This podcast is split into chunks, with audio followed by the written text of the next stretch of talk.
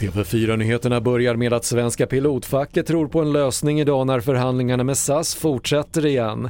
Medlaren Claes Stråth sa efter avbrottet igår att framsteg gjorts i helgens förhandlingar men att man inte nått ända fram.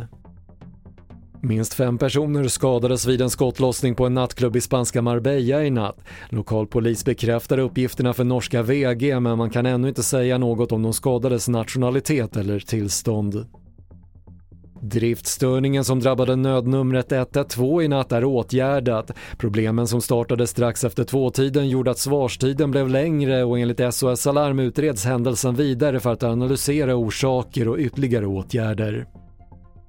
Och en man i 18-årsåldern anhölls misstänkt för allmänfarlig ödeläggelse efter en explosion i ett flerfamiljshus i Strängnäs i natt. Inga personer skadades och polisen utreder om det finns kopplingar till sprängningen i Åkers styckebruk utanför Strängnäs i fredags.